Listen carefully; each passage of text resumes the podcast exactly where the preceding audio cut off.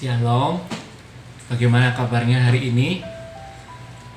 Saya sungguh berharap hari ini keluarga kita merasakan sukacita dan kemenangan oleh kuasa darah Yesus. Dan kiranya firman Tuhan senantiasa menguatkan dan menghiburkan kita semua bahwa apa yang Tuhan janjikan itu pula yang pasti akan dia genapi. Acara Mika malam hari ini akan membahas beberapa ayat firman Tuhan. Dan yang pertama saya mengajak kita membaca Matius pasal yang ke-13 ayat 33. Mari bersama-sama dengan keluarga kita kita buka bagian ini dalam Matius 13 ayat 33 dan kita akan membaca bersama-sama. Dan ia menceritakan perumpamaan ini juga kepada mereka. Hal kerajaan sorga itu seumpama ragi yang diambil seorang perempuan dan diadukan ke dalam tepung terigu tiga sukat sampai kamir seluruhnya. Tuhan Yesus dalam Matius 13 ayat 33 itu mengajarkan bahwa hal kerajaan surga itu seumpama ragi.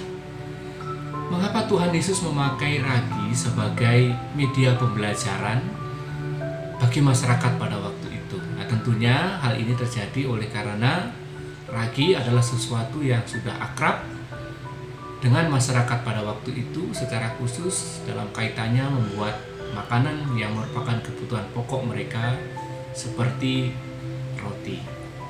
Nah, apa yang dapat kita pelajari dari ragi? Setidaknya kita bisa belajar dua hal. Yang pertama, ragi itu memiliki kemampuan untuk mengubah adonan sehingga apa pun bentuk adonannya ketika ragi itu dicampurkan maka adonan itu akan berubah. Tidak ada pilihan lain bagi adonan yang telah kena ragi itu selain tercampur dan terpengaruh oleh keberadaan ragi tersebut. Nah yang kedua yang dapat kita pelajari dari ragi adalah sistem kerjanya. Sistem kerja ragi itu adalah bekerja dalam diam namun berdampak secara nyata. Nah, ini menariknya sekali. Jadi ragi itu ketika sudah dicampurkan, kita tidak tahu lagi bentuknya seperti apa dalam adonan. Namun tiba-tiba kita dapat menyaksikan dampak daripada ragi yang telah dicampurkan itu. Nah, demikian pula halnya dengan kerajaan surga. Setiap berita Injil yang telah diberitakan itu memiliki kuasa untuk mengubahkan kehidupan setiap orang yang telah menerimanya. Setiap orang yang telah menerima berita Injil, hidupnya pasti akan diubahkan. Begitu kita menerima berita Injil, maka Injil itu akan mengubahkan kehidupan setiap orang yang telah menerimanya. Seumpama ragi yang menghamirkan adonan, begitu pula ketika berita Injil itu kita terima, berita Injil itu secara ajaib akan mengubahkan kehidupan kita. Begitu kita menerima berita Injil, hidup kita tidak akan pernah sama lagi. Begitu kita percaya kepada firman Tuhan, hidup kita tidak akan pernah sama lagi untuk selama-lamanya. Dengan demikian, pengalaman diubahkan oleh berita Injil pengalaman diubahkan oleh kasih dan kuasa Yesus Kristus merupakan sesuatu yang sangat penting dimiliki oleh setiap orang percaya. Pengalaman tersebut akan membuat setiap orang percaya mampu mengasihi Tuhan dan sesamanya dengan sama baiknya. Selain itu, pengalaman tersebut juga menjadi modal yang tidak tergoyahkan bagi setiap orang percaya untuk pergi dan bersaksi tentang kasih serta kuasa Tuhan kepada siapa pun. Mari bersama-sama dengan keluarga, video kita hentikan sesaat. Kita diskusikan dan sharingkan bersama-sama dengan keluarga. Coba sharingkan pengalaman hidup diubahkan oleh Tuhan yang pernah ibu bapak atau anak-anak alami. Dan kiranya Tuhan memberkati.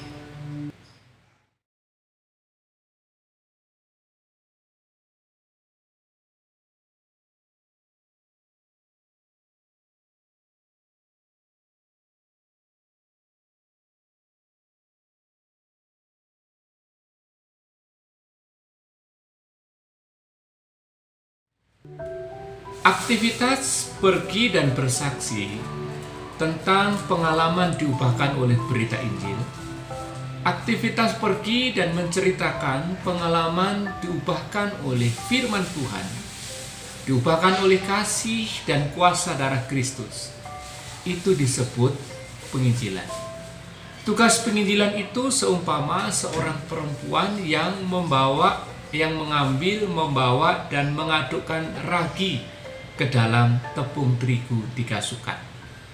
Maksudnya apa? Satu sukat itu kurang lebih 12 liter dan tiga sukat itu setara dengan 36 liter. Perempuan tersebut tidak menghamirkan adonan, tapi ragilah yang menghamirkan adonan. Tugas perempuan tersebut hanyalah mengambil, membawa, dan mengaduk ragi. Begitu ragi sudah teraduk, ragilah yang akan menghamirkan adonan tersebut. Begitu ragi sudah teraduk, ragilah yang akan melanjutkan proses selanjutnya.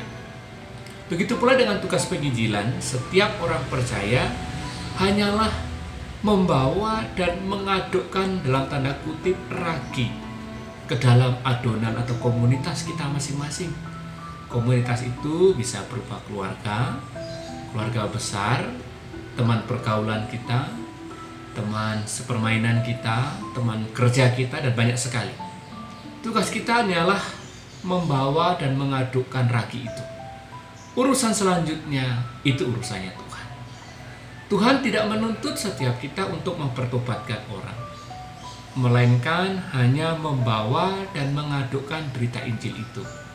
Berita Injil itulah yang akan melanjutkan prosesnya hingga selesai sesuai dengan tujuan dan rencana Tuhan. Nah, pertanyaannya sekarang adalah bagaimana caranya atau bagaimana strateginya agar kita dapat membawa dan mengadukkan dalam tanda kutip berita apa ragi tadi atau berita Injil itu ke dalam adonan atau ke dalam komunitas kita. Kita akan belajar dari firman Tuhan di dalam Matius 28 ayat 16 sampai dengan 20. Dari Matius 28 ayat 16 sampai dengan 20 ini kita akan belajar tentang cara sederhana membawa dan mengadukkan berita Injil itu ke dalam komunitas kita. Mari kita baca bersama-sama Matius 28 ayat 16 sampai 20. Dan kesebelas murid itu berangkat ke Galilea, ke bukit yang telah ditunjukkan Yesus kepada mereka. Ketika melihat dia, mereka menyembahnya, tetapi beberapa orang ragu-ragu. Yesus mendekati mereka dan berkata, Kepadaku telah diberikan segala kuasa di sorga dan di bumi. Karena itu pergilah, jadikanlah semua bangsa muridku dan baptislah mereka dalam nama Bapa dan Anak dan Roh Kudus. Dan ajarlah mereka melakukan segala sesuatu yang telah kuperintahkan kepadamu. Dan ketahuilah, aku menyertai kamu senantiasa sampai kepada akhir zaman.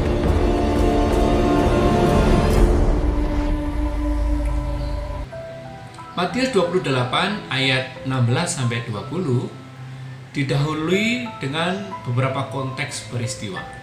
Konteks peristiwa yang dimaksud seperti misalnya pada waktu itu di dalam misalnya ayat 13 sedang terjadi upaya secara masif dan sistematis penyebaran hoax atau berita palsu.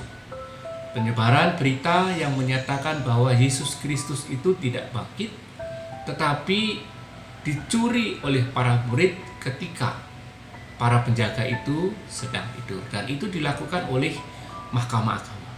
Jadi pada waktu itu konteks terdekatnya menyatakan bahwa Yesus itu sebenarnya tidak bangkit, tetapi Yesus itu dicuri dan mungkin dicari orang yang menyerupai dia untuk bisa bertemu dengan para murid-muridnya.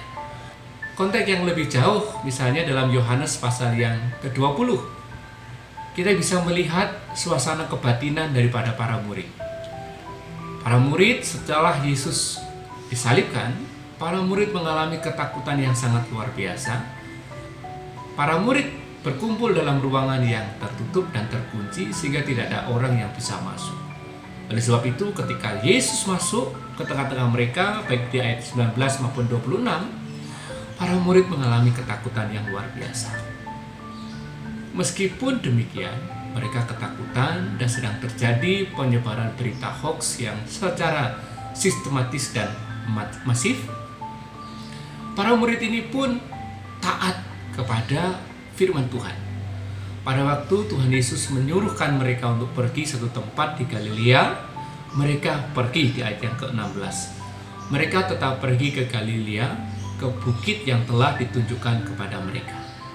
Menariknya adalah tidak semua yang datang ke Galilea ke, ke bukit yang telah ditunjukkan oleh Yesus adalah orang-orang yang percaya sungguh kepada Tuhan.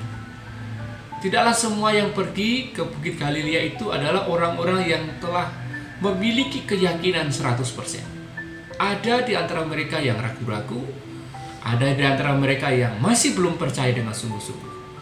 Hal ini dapat kita lihat di dalam ayat yang ke-16 dan seterusnya. Ketika Yesus menampakkan diri kepada mereka, ada yang langsung bersujud menyembah, ada yang sebagian pula yang masih ragu-ragu. Nah, ini menarik sekali. Tuhan mengizinkan kita semua datang kepada Dia dengan semua kondisi yang kita miliki. Tidak harus dengan 100%, bahkan dalam keraguan pun kita boleh datang kepada Tuhan. Nah, Tuhan Yesus memperkenalkan dirinya sebagai Tuhan yang Maha Kuasa, baik atas surga maupun bumi ayat 20, ayat 18 dalam Matius 28. Hal ini dilakukan untuk apa? Untuk menjawab keraguan mereka. Secara tidak langsung Tuhan Yesus mengutip Daniel pasal yang ke-7 ayat 14 dan sebagai penggenapan daripada nubuatan-nubuatan mesianik. Dengan mengatakan kepadaku telah diberikan kuasa baik di dunia maupun di surga, Tuhan Yesus tidak mengajarkan kepada para murid maupun kita semua bahwa Tuhan Yesus lebih berkuasa daripada setan. Tuhan Yesus lebih berkuasa daripada setan yang di dalam Matius pasal yang keempat ayat 8 sampai dengan 9 berkata bahwa dan iblis membawanya pula ke atas gunung yang sangat tinggi dan memperlihatkan kepadanya semua kerajaan dunia dengan kemegahannya dan berkata kepadanya semua itu akan kuberikan kepadamu jika engkau sujud menyembah aku. Dari firman Tuhan ini, Tuhan Yesus menyatakan bahwa dirinya lebih berkuasa daripada setan. Ia bukan hanya berkuasa atas dunia ini, tetapi ia berkuasa atas surga. Ia yang memiliki kuasa atas surga dan bumi memberikan empat perintah dan satu janji kepada kita. Tuhan Yesus yang memiliki kuasa atas dunia dan surga memberikan empat perintah satu janji. Kita ulang sekali lagi empat perintah satu janji. Apa perintahnya? Yang pertama, ini akan terus menjadi pola kita di dalam menceritakan kabar baik, di dalam kita membawa ragi ke tengah komunitas kita. Yang pertama, pergi. Baik itu kata pergi, baik itu kata membaptis, baik itu kata memuridkan, baik itu kata mengajar. Keempat-empatnya di dalam bentuk perintah aktif. Jadi, yang pertama, pergi. Artinya apa? Secara aktif kita bergerak dari posisi kita yang sekarang menuju ke posisi yang Tuhan Yesus kehendaki. Jadi tidak lagi kita hanya bisa berkata Tuhan Yesus itu baik, firman Tuhan penuh kuasa, saya mengalami pengalaman-pengalaman hebat bersama dengan Tuhan, saya mengalami pertolongan Tuhan, saya mengalami kedahsyatan Tuhan. Tidak cukup hanya sampai di situ, tetapi kita harus beranjak dari posisi kita menikmati berkat Tuhan, menikmati kuasa Tuhan, menikmati kemurahan Tuhan, kita bergerak menuju ke tempat-tempat ke pribadi-pribadi yang Tuhan hadirkan di dalam kehidupan kita. Kita harus beranjak atau bergerak secara aktif berpindah dari posisi kita sekarang ke posisi yang Tuhan inginkan, yaitu segala suku bangsa dengan maksud dan tujuan mereka pun boleh mendengar dan mengalami pengalaman yang sama seperti yang kita miliki. Tugas kita bergerak dan menyaksikan kasih dan kuasa Injil yang telah terjadi di dalam kehidupan kita. Sehingga semua orang menjadi tahu dan mendengar bahwa Yesus Kristus adalah Tuhan yang sanggup mengubahkan kehidupan setiap orang yang percaya. Setelah kita pergi menceritakan pengalaman dikasih oleh Tuhan, pengalaman diubahkan oleh Tuhan, pengalaman ditolong oleh Tuhan, maka yang kedua, kita perlu memuridkan, yaitu memperhadapkan semua orang yang Tuhan hadirkan di dalam kehidupan kita itu kepada posisi yang siap untuk dijamah untuk diubahkan, untuk diberkati oleh Tuhan. Ini berarti bahwa kita perlu secara aktif bekerja giat, berusaha membantu setiap orang percaya mengalami perjumpaan secara pribadi dengan Tuhan Yesus Kristus melalui firman-Nya. Berusaha membantu setiap orang yang Tuhan pertemukan untuk secara progresif mempelajari firman Tuhan sehingga menjadi murid yang semakin dewasa dan semakin serupa dengan Kristus.